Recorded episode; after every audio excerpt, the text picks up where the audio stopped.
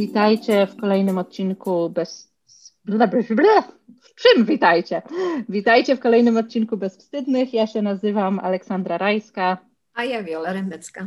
Dzisiaj będziemy rozmawiały o tym, co obecne w swojej nieobecności w naszej kulturze i w przekazach, których słuchamy. Będziemy rozmawiały o miesiączce. Postaramy się zwrócić uwagę na historyczne uwarunkowania, które gdzieś towarzyszą myśleniu o miesiączce. Będziemy myśleć o tym, czemu tak mało jest miesiączki w psychologii, e, skąd to wynika i w jaki sposób możemy też jakoś przeciwdziałać tym trendom.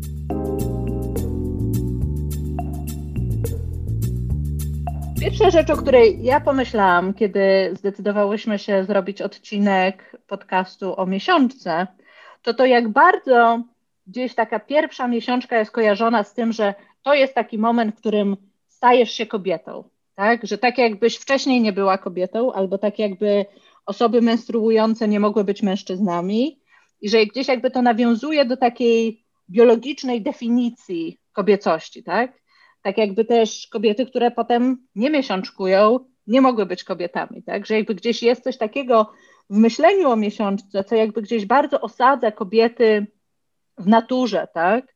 Czy nawet takie myślenie o tym właśnie, że to są właśnie miesiące księżycowe, że to jest takie właśnie połączenie pomiędzy jakby fazami księżyca a ciałem kobiety, ale że tak naprawdę gdzieś jakby to, co jest u podnóża tego, bardzo często prowadzi do pewnej jakby degradacji kobiet. Zamiast gdzieś jakby widzieć połączenie między kobietami a naturą jako siłę, jako coś, Wiola będzie też więcej o tym mówiła, tak, jak, jak doszło do tego odwrócenia, tak, ale że jakby teraz jakby gdzieś w takiej współczesności, kiedy mówimy o tym, że kobiety to są częścią natury, to w pewien sposób mówimy o tym, że kobiety to są bardziej jak zwierzątka, że one się do rządu nie nadają, do nauki się nie nadają, bo do mają się nie nadają, dokładnie, bo one sobie właśnie nie poradzą, jak zaczną krwawić, to co to wtedy będzie, tak? I że tak naprawdę gdzieś mam wrażenie właśnie, że ta biologiczność miesiączki zostaje wykorzystana przeciwko, zamiast być,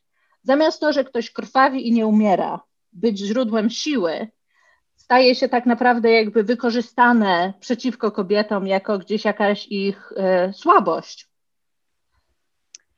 Bardzo się cieszę, Ola, że to podjęłaś, bo właściwie historia a, jest upodobaniem. W ogóle mam takie poczucie, że a, takie tematy, jakie podejmujemy, dla mnie ostatnimi czasy są wyprawą w, w przeszłość że takie właśnie czytanie o tym, a co to tam było kiedyś, jak to się układało w różnych miejscach na świecie, wiąże się z każdym wątkiem, który tutaj jakoś podejmujemy i tak samo jest właśnie z miesiączką i cieszę się, że, że mówisz o tym właśnie odwróceniu, bo historia, historia opisu miesiączki, e, którą czytałam przez ostatnie dni e. Z upodobaniem. Z, z dużym upodobaniem, z bardzo dużą fascynacją. Właściwie jest historią odwracania znaczeń przede wszystkim. E, wydaje mi się, że też jest ważną rzeczą, że my dzisiaj będziemy starały się przede wszystkim, chcemy rozmawiać o takim wymiarze społeczno-psychologicznym tego, czym ta piesiączka jest, a nie o medycznym wymiarze e, krwawienia co, co miesiąc i zdrowych e, sposobach zapobiegania różnym bólom menstruacyjnym, czy używania właściwych środków, które mm, e, zwiększają nam, nam komfort. To jest oczywiście bardzo ważne, ale to nie jest jakby nasz temat na dzisiaj. E, I wracając do tego zgłębiania tematów w sensie historii miesiączki, no to po pierwsze jest tak, że kobiety, które miesiączkują w dawnych czasach, w wielu kulturach, e, uważane były, mówię wielu, bo nie ma danych na ten temat ze wszystkich kultur, a w każdym razie ja do nich nie dotarłam, ale na przykład e, odnosząc to tutaj do Stanów Zjednoczonych, Native Americans mają bardzo e, wpisany głęboko taki podstawowy szacunek dla kobiet miesiączkujących, uważając kobiety za boskie, szczególnie Navajo i Cherokee oni właśnie, w, w każdym razie ja dotarłam do takich źródeł, e, e, uważali, że kobieta, która miesiączkuje, która produkuje tyle krwi i nie umiera, co też jest bardzo ważne, ma absolutnie boskie, boskie e, e, umiejętności czy, czy, czy powiązanie i specjalne rytuały dla kobiet, które miesiączkują. Używano tej krwi mm, do, do mm, modłów. W innych kulturach, mniej więcej w podobnych czasach, na przykład w starożytnym Egipcie, kobieta, która miesiączkowała, oczywiście miała właśnie też ten specjalny status, e, boski status. Krwi używano do przeróżnych celów, między innymi na przykład, to było bardzo ciekawe, dotarłam do takich źródeł, gdzie pisano, że E, Egipt w ogóle słynie z różnych środków upiększających, prawda, i z takich starań i zabiegów o pielęgnację ciała. No więc na przykład krwi z menstruacji używano do tego, żeby pojędrniać biust czy, czy, czy nogi, czy skórę na, na nogach. Ale oprócz oczywiście zabiegów kosmetycznych używano do różnych rytuałów i też różnych zaklęć. W Afryce, w różnych miejscach Afryki, w, w, akurat to jest historia z, z, z Gabonu używa się, używało się, używa się, tego nie wiem dokładnie, czy cały czas, jest ta, ten sam rytuał do zaklęć. Y, kobiecą krew traktuje się jako właśnie tą szczególną, z tą szczególną mocą, że jeżeli na przykład chcemy rzucić urok na kogoś, to właśnie dodanie... A nieraz chcemy. bardzo często chcemy, e, e, używanie kobiecej krwi menstruacyjnej ma właśnie tą absolutnie nieporównywalną do niczego innego e, siłę. I to jest dla mnie bardzo ciekawe, bo właściwie te moje antropologiczne wycieczki w różne rejony, też doprowadziły do tego, że zauważyłam pewną analogię, co nie było bardzo skomplikowane, że od momentu, kiedy zaczęto wprowadzać, czy pojawiły się religie monoteistyczne, prawda, organizujące bardzo, w bardzo taki schierarchizowany sposób wierzenia, kobiety z miesiączką utraciły ten właśnie boski e, e, status. E, I bardzo w jakimś tam takim, w takiej dynamice, no można powiedzieć powolnym procesie, miesiączka stała się tabu.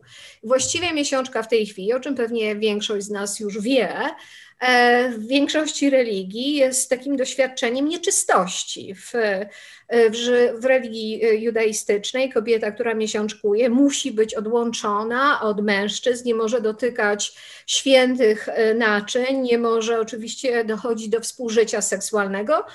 Po, no po musi odbyć mykwę później. Musi dokładnie odbyć mykwę i udowodnić, że już żadna krew nie zalega wewnątrz. I to nie ma wymiaru, znaczy oczywiście no, religie mają tam swoje jakieś ideologie i filozofie, ale to zdecydowanie sprowadza się do umiejscowienia kobiety w tym kolejnym rzędzie nie boskości, tylko podrzędności i gorszości. Ale też, e, tak jak mówisz, tak, że to jest taki proces, w którym to, co jest związane z naturą, to, co jest związane z biologią, staje się ergo związane z kobiecością, a jako takie gdzieś niższe, podrzędne temu, co męskie, w związku z tym intelektualne, w związku z tym oderwane od ciała, w związku z tym niezwiązane z takimi przyziemnymi jakimiś właśnie e, tutaj mm, procesami.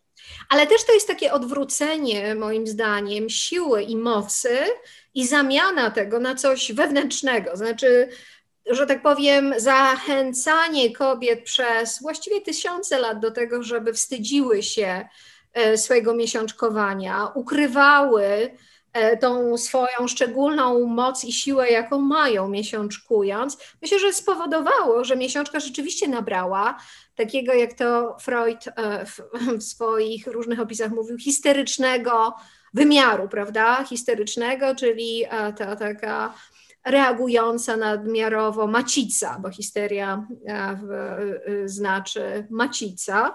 I też myślę sobie, że właśnie w różnych innych religiach jest bardzo podobne. To jest niesamowite widzieć to podobieństwo, bo odnosiłyśmy się do religii żydowskiej, ale to jest dokładnie ta sama dynamika w religii muzułmańskiej. Może nie ma aż takiej restrykcyjności wpisanej w, w, w Biblię, ale kobiety, które miesiączkują, też mają tą, tak, taki status nieczysty, tak? Nie, nie, e, nie zachęca się ich do obcowania ze swoimi partnerami w czasie miesiączki. To jest w ogóle jakieś prawie że perwersyjne, czy jakieś takie wyna, wynaturzone, co jest też bardzo, bardzo ciekawe. I co jest też ważne, myślę, że nastąpiło na przestrzeni tej takiej ewolucji e, przeformułowanie właściwie kobiecego myślenia o tym, czy ta miesiączka jest. To jest jakby podejmowanie takiego tematu, powiedziała, tabu, takiego brudnego tematu, tak, że my grzebiemy w tamponach i, i podpaskach teraz i zamiast się tego wstydzić, prawda, to w bezwstydny sposób mówimy głośno, że tu jakaś moc i siła z tymi się wiąże. Tak, e, wspomniałaś e, Freuda. E, Freud w, w jednym ze swoich tekstów z 1926 roku napisał, i to jest, że tak powiem, w moim wolnym tłumaczeniu tutaj, że e, dla kobiet najpierw jest menstruacja, później małżeństwo, potem menopauza, śmierć jest dla nich wybawieniem. Więc e, gdzieś jakby to też jakby znowu tak jakby powoduje, że jakby myślenie, tak, jakby i tutaj mówimy jakby myślenie człowieka, który gdzieś jakby sformułował nasze współczesne też myślenie o nieświadomości pod mhm. różnymi względami, tak? Gdzieś jakby bardzo łączy życie kobiety przede wszystkim jakby z biologią, tak? I z tymi zmianami, które są zmianami biologicznymi, a w związku z tym też jakby osadza ją w takiej pozycji tego, że to jest właśnie taka osoba, która gdzieś jest bardziej powodowana nieświadomymi impulsami, mhm. tak?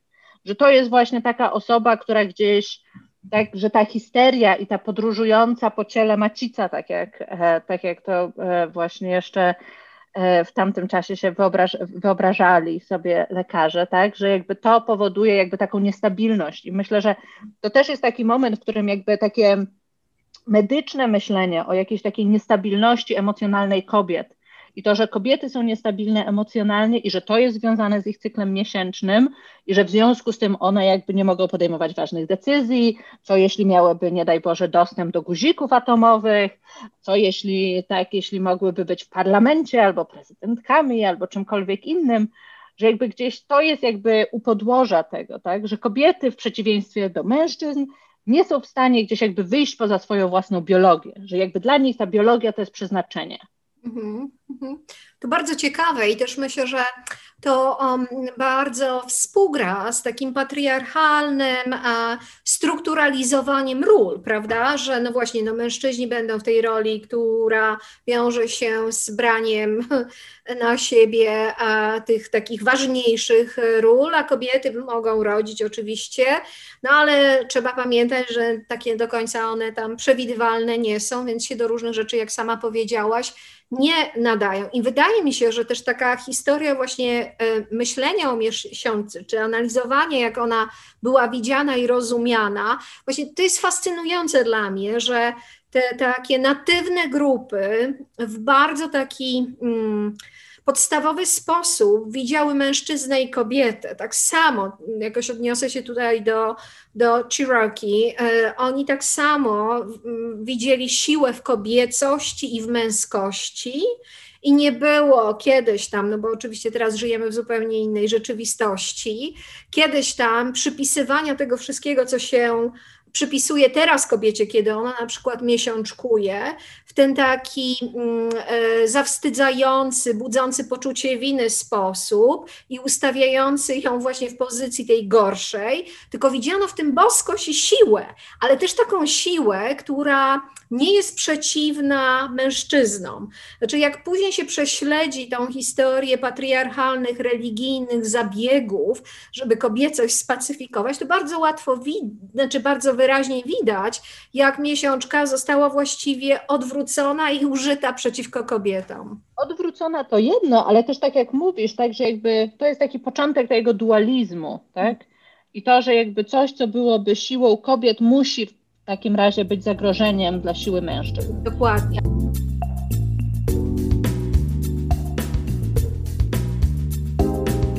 No właśnie, ja jeszcze chciałam wrócić do takiego tematu związanego z tą obecnością miesiączki, w swojej nieobecności. W języku angielskim to e, akcja e, menstruacja, e, one podały, że podobno 5 tysięcy różnych eufemizmów, tak?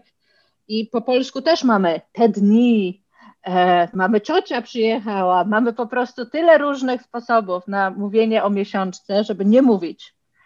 E, obracamy się i włączamy telewizor, żeby oglądać piękne, czyste, białe podpaski i tampony, które są napełniane niebieskim płynem, e, tak jakby to właśnie gdzieś nie miało nic wspólnego tak naprawdę, tak, z cielesnością i cielesnością kobiet. Ale mhm. też jakby dla mnie właśnie gdzieś jest bardzo ciekawe, jak nieobecna jest miesiączka i myślenie o miesiączce w teorii psychologicznej, jak gdzieś jakby ze świecą szukać, że tak powiem, opracowań, które są osadzone w takim myśleniu na temat tego, w jaki sposób emocjonalność i gdzieś jakby wykraczają poza takie patologizowanie i mówienie, tak, właśnie zespół napięcia przedmiesiączkowego, tak, albo właśnie zwiększona nerwowość, tak, ale żeby też gdzieś jakby wejść trochę głębiej w to, w jaki sposób cykliczność wpływa na świadomość i nieświadomość kobiet i w jaki sposób mhm. jakby gdzieś e, bycie e, w inny sposób we własnej cielesności kształtuje psychikę osób, które, e, które miesiączkują. Mhm. Ja, prawdę mówiąc, na ten temat nie czytałam żadnego artykułu. Więc e, jest to bardzo fascynujące. Znaczy, w jakimś sensie fascynujące, ale też i oczywiste, prawda? Bo ta tendencja do tego, żeby rozłączać ten taki umysł czy myślenie takie e, psychologiczne od ciała jest niestety dominującą tendencją większości, na pewno takich tradycyjnych szkół, na pewno w psychoanalizie to przy całym moim e, szacunku i edukacji, zapleczu, naprawdę psychoanaliza miała tutaj duży wpływ na to, jak się rozjechało rozumienie ciała z umysłem. I jak bardzo szybko tak naprawdę ciało dla Freuda, ale też dla jakby różnych osób, które jakby przyszły po nim, jak szybko ciało stało się takim symbolicznym ciałem, a mhm. nie konkretnym fizycznym Konkretne, ciałem. Dokładnie. Mhm, mhm. Tak, to też bardzo dobrze widać w analizie Dory, którą mhm. Freud przeprowadza, która jest zresztą jedyną kobiecą pacjentką Freuda, o której wiemy, o której zdecydował się napisać. To jest bardzo ciekawe, bo y, zajmując się tym, czym ja się zajmuję, naprawdę coraz bardziej, właściwie teraz to już jest jakoś oczywista oczywistość dla mnie, ale myślę, że psychoanaliza nie rozumie traumy, czy potrafi opisywać bardzo specyficzne e, stany wewnętrzne, wyrwane z pewnego kontekstu, ale nie potrafi rozumieć traumy, bo nie rozumie ciała. To myślę, że też ma e, związek z tym naszym wątkiem dzisiaj, właśnie dotyczącym miesiączkowania i tego, że to jest nie tylko symboliczne doświadczenie, e, a jeżeli symboliczne, to ono nie musi być takie wcale oczywiste, prawda, że my tam zalane hormonami, nie wiadomo co wygadujemy, ale to jest bardzo cielesne doświadczenie. Ja nie wiem, jak ty, Ola, pamiętasz swoje miesiączkowanie, ale ja na pewno miesiączkuję całe życie, oczywiście oprócz moich ciąż. I właściwie moje miesiączkowanie też się bardzo zmieniło przez lata. Ja miałam niesamowicie bolesne miesiączki. Teraz, jak patrzę na to z takiej perspektywy, hmm, powiedziałabym, retrospektywnej, to myślę, że ja bardzo boleśnie miesiączkowałam wtedy, kiedy byłam depresyjna i nieszczęśliwa. Że to się niesamowicie zaczęło zmieniać, jak moje życie nabrało pewnej spójności i ja się zaczęłam też bardziej rozumieć i kontaktować nie tylko ze swoim oderwanym od ciała umysłem, ale właśnie ze swoją całością. Ja to nie tak jest sobie przyjemne doświadczenie, ale to nie ma w ogóle porównania z tym, jak to było kiedyś, przepraszam.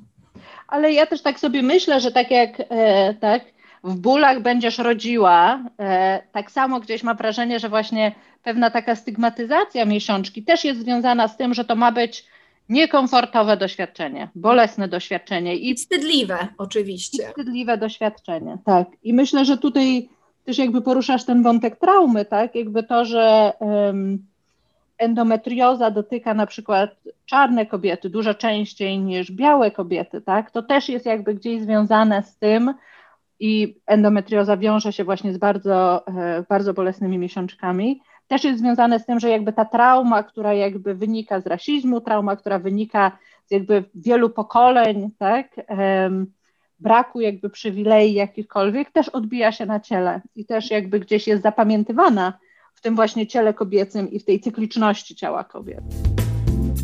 Chciałyśmy jeszcze tak chwilę, zanim, e, zanim skończymy, mimo że wiadomo, że te tematy się nigdy nie kończą, my tylko je na chwilę zarzucamy w jakimś miejscu, po, po, pomyśleć trochę wspólnie o, o ubóstwie menstruacyjnym i o tym, co, co jakby się też wiąże z, z właśnie myśleniem o ubóstwie menstruacyjnym i w jakich miejscach e, gdzieś są podejmowane kroki, które, e, które gdzieś prowadzą do tego, żeby jakby produkty menstruacyjne były albo za darmo, albo żeby były nieopodatkowane, żeby były bardziej dostępne, albo żeby były bardziej dostępne w szkołach.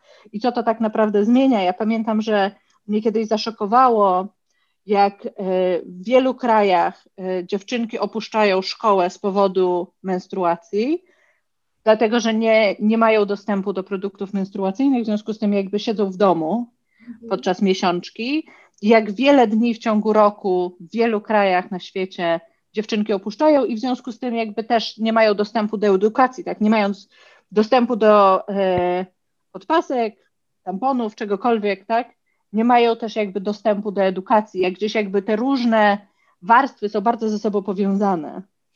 Ale też, a, będąc teraz adwokatem diabła, chciałabym powiedzieć, że ja osobiście czuję pewien niepokój w kontekście, e, że tak powiem, tak zwanego, samo to określenie budzi też moją niechęć, ubóstwa menstruacyjnego. Znaczy, bo myślę, że to nie Niestety nie chodzi tylko o brak dostępu do podpasek czy tamponów, o to, i to jakoś chciałabym podkreślić, żeby wszystkim na świecie tylko zapewnić podpaski i to w ogóle rozwiąże wszystkie problemy. To jest jeden z elementów w rozbrajaniu patriarchatu. I rzecz jest dużo bardziej skomplikowana, i raczej chodzi o to, żeby widzieć, że takie, właśnie jak mówisz, limitowanie e, dostępu do edukacji, do, no w tym sensie dostępu do środków, które ułatwiają przejście menstruacji bez jakichś takich zawirowań, tym samym ułatwiają możliwość y, edukacji, ale też, bo jednak mówimy również o bardzo złożonej kwestii związanej z kulturą i znowu z religiami. Dziewczynki, które zaczynają miesiączkować w tak zwanych rejonach, o których się mówi, że tam jest ubóstwo menstruacyjne, zaczynają być tak zwanym towarem e, do małżeństw to w tym, z tym się też wiąże. To nie jest tylko tak, że dziewczynka nie idzie do szkoły, bo nie ma podpaski, bo to jakoś tam się mimo wszystko rozwiązuje, ale też nie idzie do szkoły z tego względu, że będzie bardziej atrakcyjna i narażona na jakieś męskie zaloty i zabiegi, może by na przykład doszło do czegoś, co spowoduje, że przestanie być dziewicą, co w wielu kulturach ma bardzo głębokie e, znaczenie i tym samym uniemożliwi to, za, e, za mąż pójście. W tym znaczeniu temat ubóstwa menstruacyjnego jest de facto problematy, no, znaczy problemem związanym z patriarchatem, znaczy z tą strukturą, w jakiej dziewczynki, kobiety żyją w różnych miejscach, mają bardzo limitowany dostęp nie tylko do podpasek, ale do różnych innych rzeczy, bo są częścią takich bardzo skostniałych e, e, społeczeństw, gdzie mają bardzo określoną rolę i funkcję do wypełnienia. I jak najbardziej wspieram wspieranie kobiet, żeby miały te podpaski czy, czy tampony, ale myślę, że bardzo ważne jest widzieć to znacznie szerzej i głębiej. I że, to, że tak naprawdę, tak jak mówisz, tak, że dostęp nie jest, jest początkiem, mhm. tak? Jest szczytem góry lodowej, a nie, a nie jej podłożem. Dokładnie, że, że to też jest ważne, żeby przy takich akcjach, jakie teraz się odbywają, widzieć to w zdecydowanie, że tak powiem, bardziej złożony sposób i poprzez te podpaski, że tak powiem, również zachęcać do różnych innych rzeczy, no ale de facto do, to się właściwie do tego sprowadza, do rozbrajania patriarchalnego systemu. Czym my się ostatnio właściwie zajmujemy, Ola? No, Przynajmniej rozmawiamy. Jedna, jedna, jedna cegiełka z muru patriarchatu co miesiąc. Tak. Na tym y, skończymy nasze dzisiejsze spotkanie. Tak jak zawsze, bardzo Was zachęcamy do komentowania, pisania do nas, y, zarówno na Facebooku, jak i na Instagramie, na Gmailu. Y, zawsze jesteśmy bardzo ciekawe tego, co, czego Wam się dobrze słucha, jakie macie komentarze, jakie macie pytania i rozbrajajmy dalej patriarchat. Tak jest. Bezwstydnie rozbrajajmy patriarchat. Do usłyszenia w następnym miesiącu. Żegnamy.